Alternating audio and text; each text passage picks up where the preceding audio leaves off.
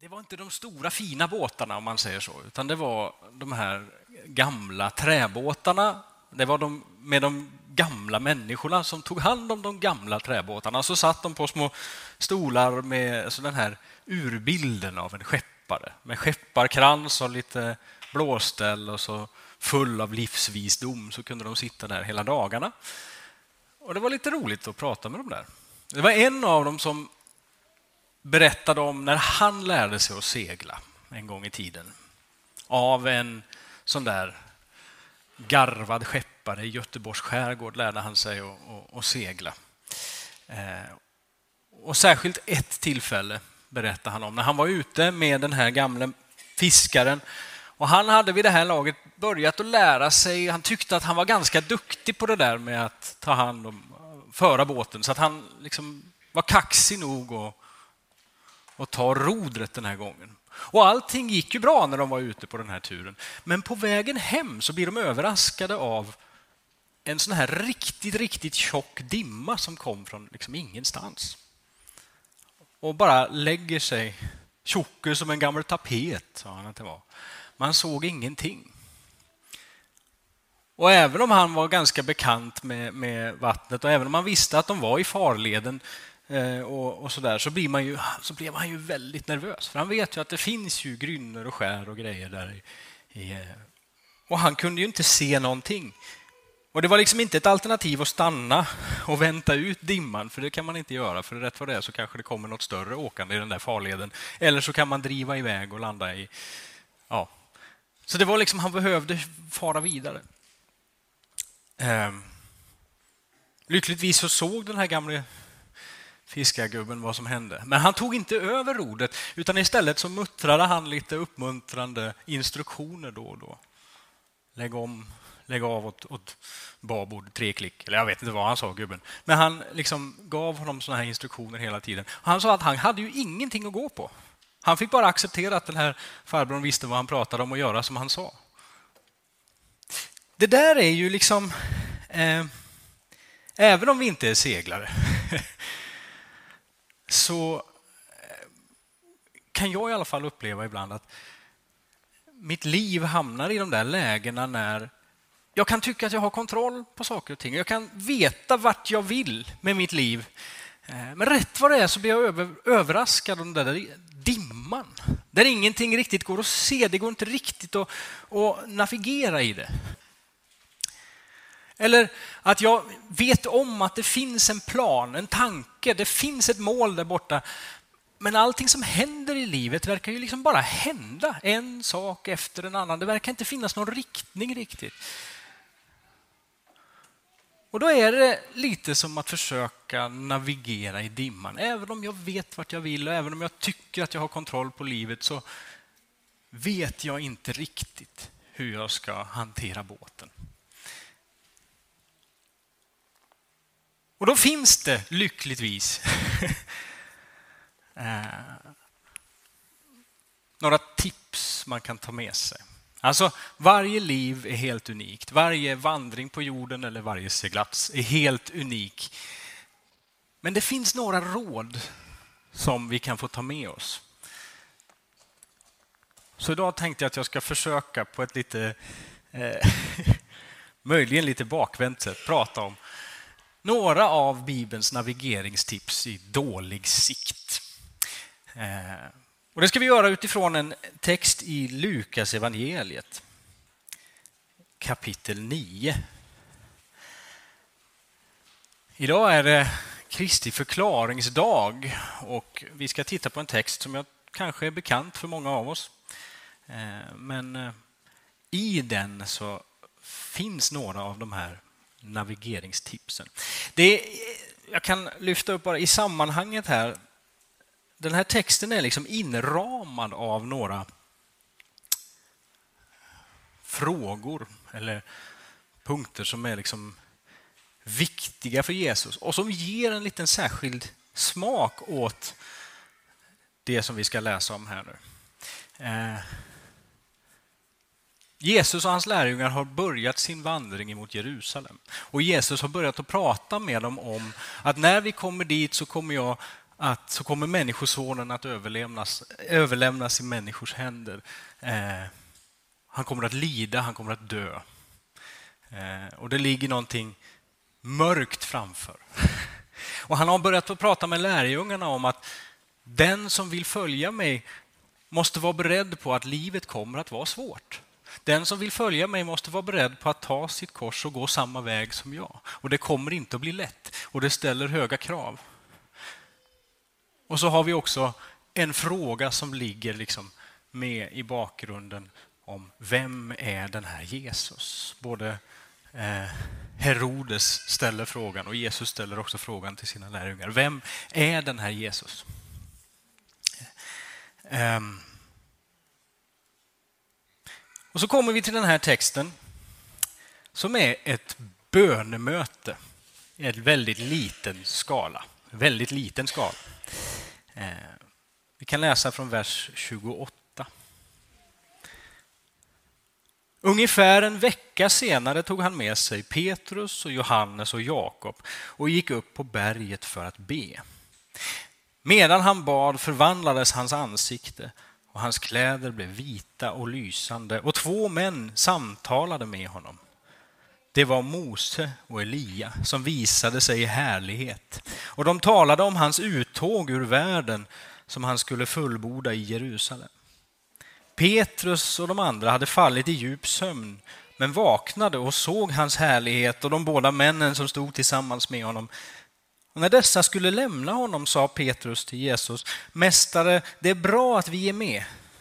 Låt oss göra tre hyddor, en för dig, en för Mose och en för Elia. Han visste inte vad han sade. Medan han talade kom ett moln och sänkte sig över dem. Och när de försvann i molnet blev lärjungarna förskräckta. En röst hördes ur molnet. Detta är min son, den utvalde. Lyssna till honom. Och när rösten ljöd stod Jesus där ensam. Lärjungarna teg om vad de hade sett och vid den tiden berättade de ingenting för någon. Herre, vi ber att du ska eh, göra ditt ord levande och verksamt i våra hjärtan, i våra liv idag. Väck oss på de områden där vi sover. Eh, ge oss mod på de områden där vi misströstar. Och ge oss läkedom på de områden där vi lider. I Jesu namn. Amen. Eh, det här är ju ett ganska fascinerande litet bönemöte, måste man säga. Det är, det är en en liten rolig tendens som finns just i Lukas evangeliet att många av de riktigt viktiga händelserna händer medan Jesus ber. Eh, det, det, kan man se när man jämför eh, de olika evangelierna, att många av de här händelserna som, eh, som finns i alla evangelierna, så att säga, händer specifikt när Jesus ber just hos Lukas. Det känns som att Lukas påpekar den här, att Jesus hade ett ganska spännande böneliv. Och när man då får möjlighet att följa med Jesus när han drar sig undan för att be så känner man ju att wow, vilken, vilken chans! Här händer det grejer som man inte vill missa. Liksom. Och så är man där och så har man varit på många bönemöten i sitt liv eh, så, så vet man hur det funkar. Man kommer och så, så är man så, det är god stämning och man känner liksom och så sluter man ögonen så här innerligt och så, och så är man med och så, och så känns det... Och så, och,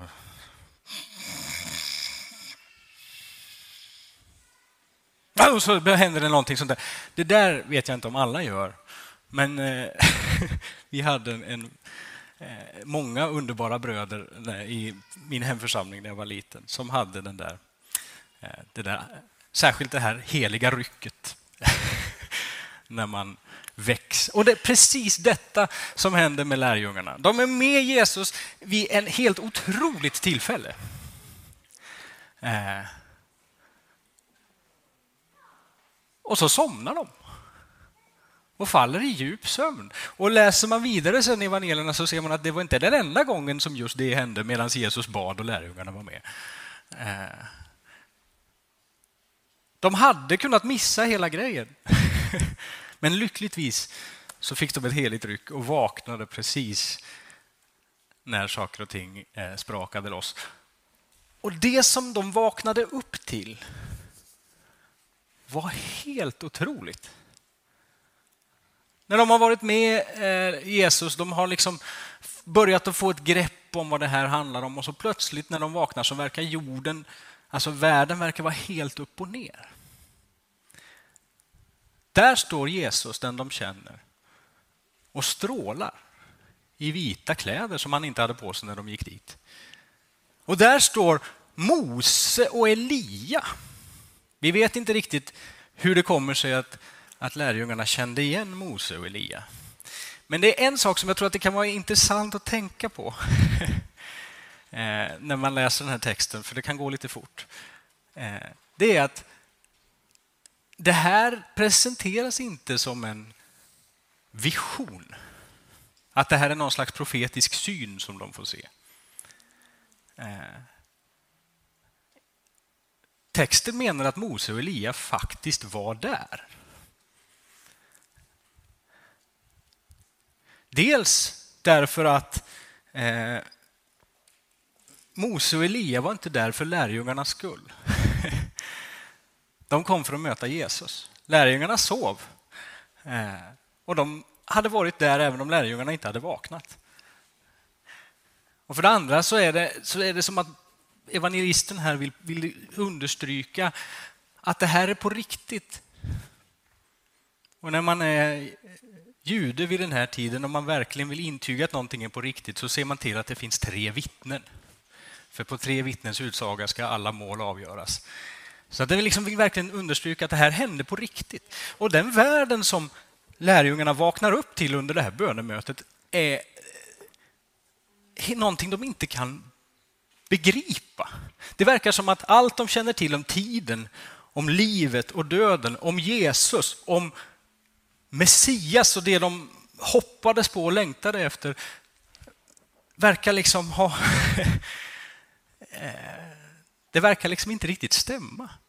Det verkar vara, finnas någonting mycket, mycket större, någonting mycket, mycket mer. Det är så att, som att Gud för ett ögonblick har eh, gläntat på dörren till en annan sida av verkligheten. Och så mitt i allt det här då så medan de håller på och smälter detta så verkar det som att mötet är över och Mose och Elia är på väg att ge sig därifrån och Petrus får panik. Därför att det här är något av de mest, den mest fantastiska stunden som han har varit med om i sitt liv och han känner att det, här, det får inte ta slut. Så han griper tag i den första tanken som kommer och så säger han, Mästare, det var bra att vi är med. Vi kan, vi kan bygga hyddor. Vi bygger en hydda till dig och så bygger vi en hydda till Elia och en till Mose och så kan vi inte stanna kvar här alla. Eh, jag blev påmind i veckan här när vi var hemma hos några vänner om min gamle gode vän Natanael. Han var en djup, är en djup herre. Han var en, i viss mån en lite bekymrad ung man. Och nu är han bara bekymrad, höll jag på att säga. Men han, han eh, hade vissa ögonblick när han bara var exakt i stunden. När vi hade ätit en riktigt god måltid så hände det ibland att han bara lutade sig tillbaka och så sa han, nu är allting bra. Och han utstrålade att det verkligen var så. Hur mycket oro, hur mycket bekymmer och svårigheter den fanns i världen, så just nu är allting bara bra. Vi har ätit en god måltid. Jag är mätt och belåten. Jag är bland vänner och jag sitter vid bordet och jag behöver inte göra någonting annat. Just nu är allting bra. Och sådana lägen i livet eh, kommer ju och han hjälpte mig att upptäcka dem där. Lägen när allting bara stämmer, att även om jag vet att det finns mycket om konstigheter, så just nu kan allting bara få vara bra. Och jag tror det är viktigt att ta vara på de stunderna. Problemet med dem är att de inte består. I det här ögonblicket så upplever Petrus uppfyllelsen av allt det han har hoppats på. Här ser han sin mästare förhärligad. Det de liksom har satsat på, att det här är, detta är den utlovade Messias som han har bekänt några stycken tidigare. De visste inte riktigt, men nu får de en bekräftelse på det. Och här har vi liksom Mose och Elia. Varför är det så viktigt att det är Mose och Elia? Ja, dels så är de ju lite speciella. De, de har det gemensamt att de båda mötte Gud på berget Horeb. De har det gemensamt att de båda eh, försvann under lite mystiska omständigheter. Eh, Elia blir upptagen till himlen och Mose, eh, ja, det står att han, han gick bort, han gick iväg och dog och Gud begravde honom någonstans som ingen vet om. Eh. Men framför allt så är det lite viktigt att vad de representerar. Mose är laggivaren. Och Många gånger i Bibeln så används Moses namn synonymt med lagen. Och Elia är den främste bland profeterna. Så här står liksom lagen och profeterna och samtalar med Jesus. Och när Petrus ser det här så är det liksom för honom, nu är allting bra. Allt det där andra som Jesus har pratat om, om lidande och om svårigheter, vi behöver inte det. Därför kan vi inte bara stanna här just nu. Detta är ju allt som vi behöver. Jag tror att den där tanken eh, möter vi rätt ofta idag. Jag kommer tillbaka till spåret sen. Men Viljan att ha Messias utan korset. Viljan att ha härligheten utan lidandet. Viljan att ha målet utan att behöva gå vägen dit. Alltså idag, det skiftar ju liksom fram och tillbaka lite grann hur det är att vara kristen i Sverige. Och jag skulle säga att just nu så är det ju höll på att säga nästan rumsrent att kalla sig kristen. Man, man, är liksom, ibland så blir man betraktad som en väldigt udda fågel, men, men just nu så verkar det liksom det finns en stor acceptans för det där. Många har stor respekt för snickaren från Nasaret. Man tänker naturligtvis inte att han var Gud. Det finns en massa religiösa grejer i det där som man kan skala bort, för det tror vi inte riktigt på. Men, men som vishetslärare är han ju spännande. Han var ju naturligtvis en historisk person med revolutionerande idéer om social rättvisa och om godhet och om att leva ett ödmjukt och enkelt liv. Och Det där kan de allra flesta människor köpa. Och vi kan lära oss mycket av det. Eh, tänker man. liksom. Så att idag är, upplever jag i alla fall att, att det är mycket mindre konstigt att kalla sig kristen. Men det som människor då liksom skalar bort, det är den här tanken att naturligtvis så tror du ju inte på allt det där andra. Mirakler, synd, himlen, domen. Utan det man vill ha på något sätt, det man kan acceptera är en Messias utan korset. Och som troende så är det ganska lätt att gå då ja, men närma sig det spåret. Att det börjar snida till sin gudsbild lite grann så att man slipper skämmas för den i städade sammanhang. Eh, behöver vi verkligen allt det där andra? Kan det inte bara få vara bra här? Eh, Men Petrus får inte ha sin Messias utan korset i fred. När han säger detta, när han liksom ger uttryck för att han vill bevara den här stunden så sänker sig molnet.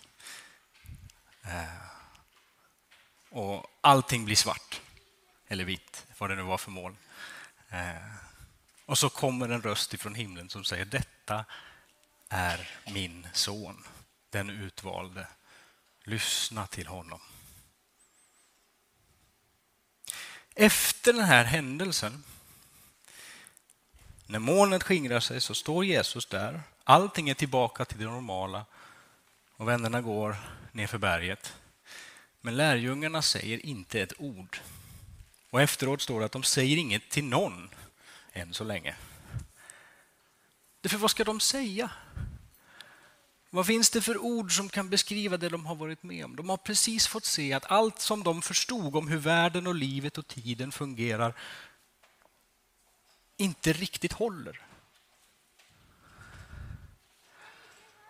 Och de vet om att det finns en plan. De har förstått att det finns ett mål.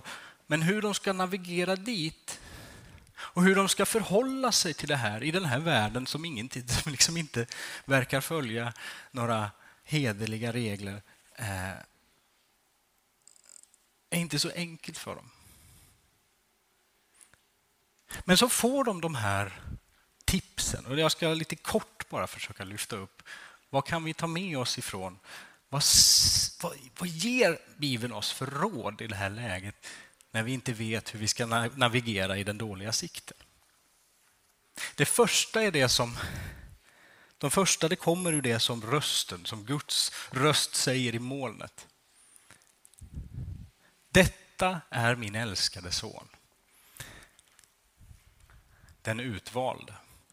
Ur det kan man, man skulle kunna dra ihop det till att säga det första rådet, tipset för att navigera i dålig sikt är acceptera.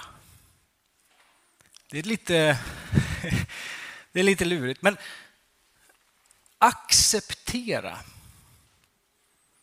Just nu förstår du inte det här, men du behöver acceptera att detta är min son. Lärjungarna har en bild av vem Messias är. De har en bild av vem Jesus är. Och vi är vana vid begreppet Guds son. Men när lärjungarna hör det här, vad ska, de, vad ska de göra av den informationen? Hur ska de få ihop det här? Hur ska de förstå? Vad, hur kan det här vara Guds son? Kan detta vara Gud som står framför oss? Vi känner ju honom. Och där blir den första liksom, uppdraget till dem blir att okej, okay, du förstår inte det här just nu. Men när du är i dimman, det du behöver göra just nu är att acceptera. Det kommer att klarna. Men just nu, ta det. Och det är ett väldigt svårt steg. Därför att det innebär att man måste då lätta på greppet om allt det där andra som man visste. Den här Messias utan korset som de ville ha blir plötsligt liksom inte, det går inte att hålla kvar vid det. Utan just nu så måste jag bara acceptera att jag vet inte hur den här planen kommer att gå. Jag vet inte hur det här fungerar. Jag vet inte hur du har tänkt, men jag accepterar att du har en plan. Jag accepterar att det är så här. Och så ber jag och hoppas att det kommer att klarna. Det här är egentligen ett annat ord för det vi skulle kunna kalla för tro. Det är egentligen det som tron är. Att även när jag inte kan förstå, även när jag inte kan räkna ut och förklara, det får jag acceptera. Därför att det är en del av min bekännelse. Och sen får jag spendera mitt liv att försöka utforska vad det betyder. Det andra som rösten säger till dem är lyssna. Lyssna till honom. Ehm. Och det, hänger liksom, det ligger i, eh, ganska nära den första delen. Alltså, har vi accepterat att detta är Guds son så är det ganska naturligt att jag också lyssnar på vad han har att säga.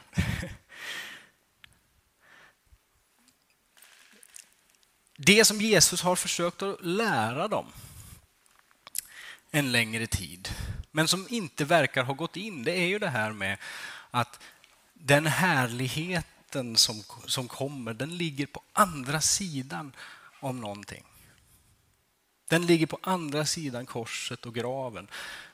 Eh, och enda vägen dit går genom döden, genom lidandet men också genom uppståndelsen. Eh, och han har liksom undervisat sina lärjungar om det här, men de verkar liksom ha haft lite svårt att ta in det där. Att man får känslan av att Gång på gång så får han säga det och varje gång blir lärjungarna lika förvånade. Eller så bara, ja, man skakar av det för det, det liksom blir inte eh, det är lite över våra huvuden. Liksom. Men från och med nu så blir det någonting, det där med att om jag accepterar att du är Guds son, då, då måste jag också lyssna på vad du har att säga. Och likadant som i det första steget, så att jag kanske inte fattar det. Jag får kanske inte ihop det. Men jag väljer att lyssna på det. När jag, har, när jag står i dimman i livet och jag försöker liksom förstå hur ska jag kunna leva det livet som jag vet att jag är kallad att leva. Eh, hur ska jag komma dit jag vet att Gud vill att jag ska komma till? när jag tycker att livet bara är snårigt, när saker bara verkar hända en, efter, en sak efter en annan eh, utan någon vettig riktning och när jag inte kan navigera framåt så finns det ändå en del av det här att acceptera att, du är den, att Gud är den han är, den han säger att han är. Acceptera att de löftena han har gett faktiskt håller och lyssna till honom utifrån det. Att jag, jag kan inte riktigt få ihop varför du vill att jag skulle göra så här eller leva så här. Men för att det är du som säger det så väljer jag just nu att lyssna. Därför jag är i dimman. Och jag kan inte själv se vägen framåt. Precis som eh, min vän som skulle försöka få hem sin båt så var han tvungen att acceptera att den äldre herren visste vad han pratade om. Han hade egentligen ingenting som skulle säga att den här karln ser bättre än jag gör i dimman, men han hade inget annat val än att bara lita på det. Han hade inget annat val än att lyssna på honom när han gav de här instruktionerna. Och det ledde faktiskt till att de nådde hemmahamnen till slut. Det tredje som hänger ihop med de här andra två är det som lärjungarna gör sen. När molnet har skingrat och Jesus står där och allting är tillbaka till vardagen så går de ner för berget och lärjungarna följer. Och sen följer de honom. Det hade de ju gjort innan också. Men de följer honom på vägen. De har inte möjlighet att få ihop det de har precis har upplevt. De kan inte beskriva det, förklara det. Och de vet inte vad det innebär för, för det uppdraget som de har gått in i. Men de har fattat att det kanske är någonting mycket större, någonting helt annat än de bör, när de började sin resa. Men det enda de kan göra är att acceptera att Jesus kanske är den han säger att han är. Att lyssna till honom och följa med. Och när de gör det så, bör, så finns det liksom längs vägen små, ännu fler sådana här glimtar och en hel del påminnelser som pekar tillbaka på det här ögonblicket uppe på berget. Eh,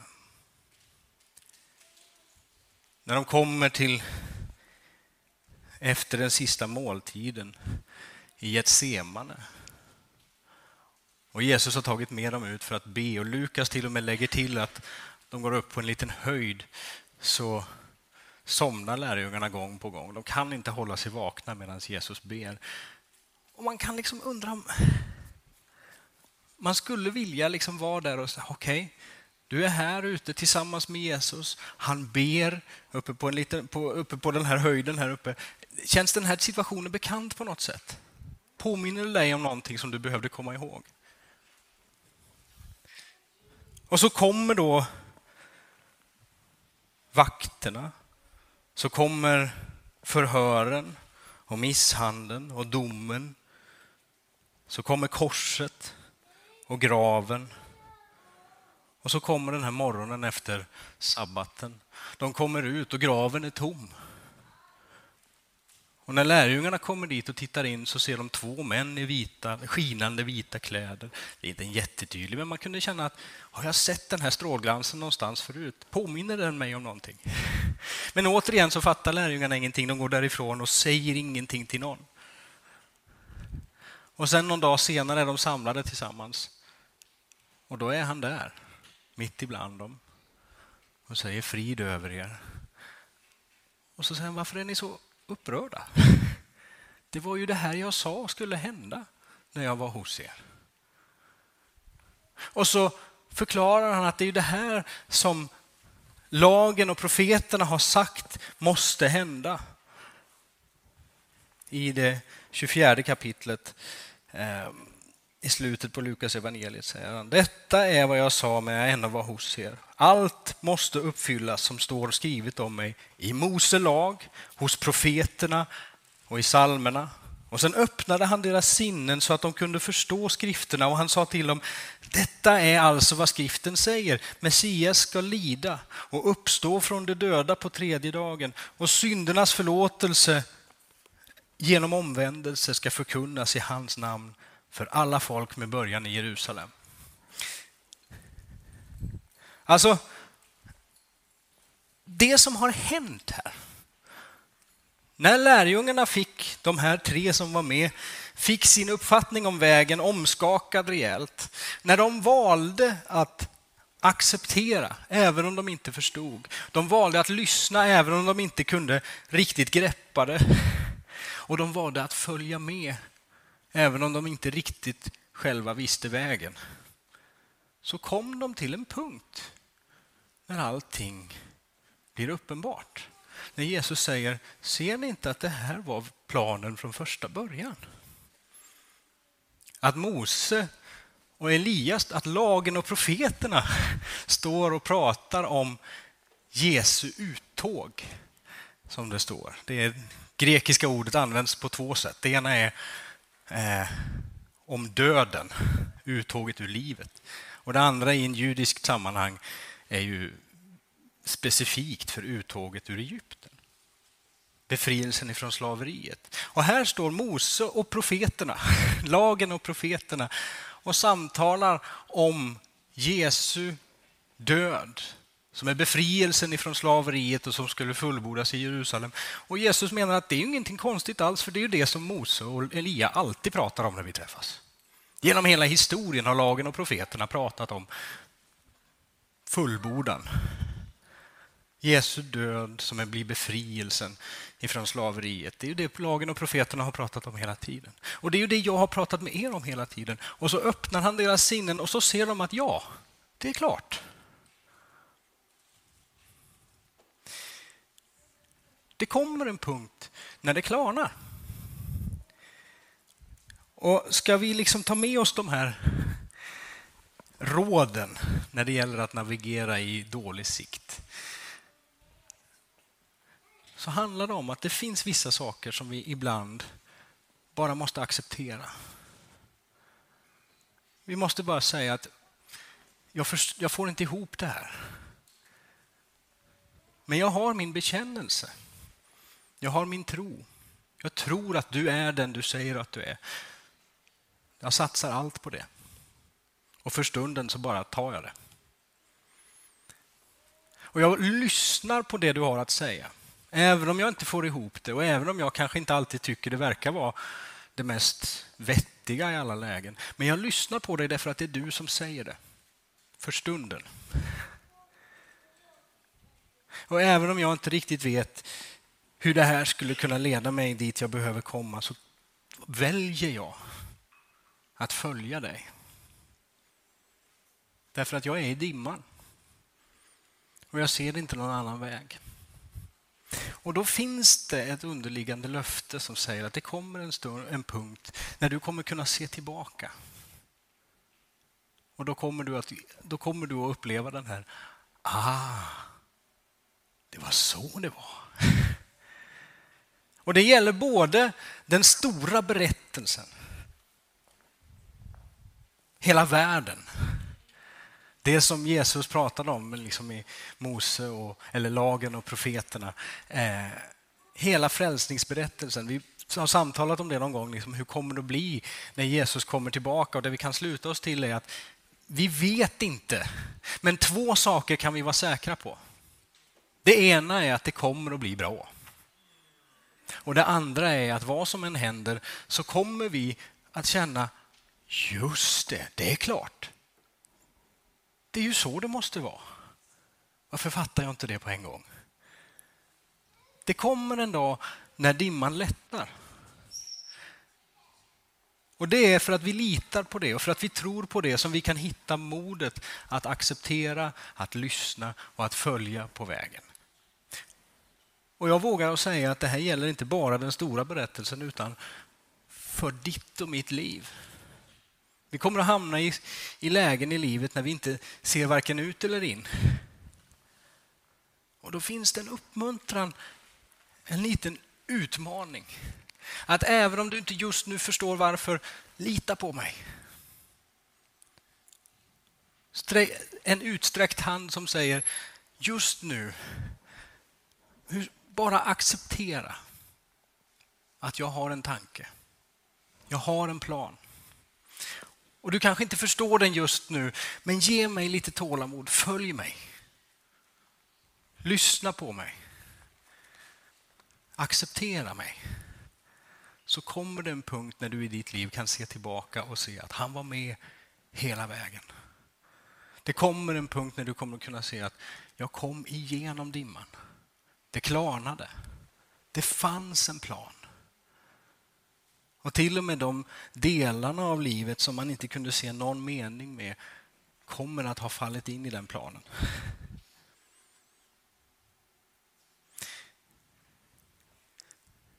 Egentligen så eh, kan man sammanfatta alla tre de här delarna i, i, i lärjungaskap. Det handlar om tro, det handlar om tillit, det handlar om efterföljelse.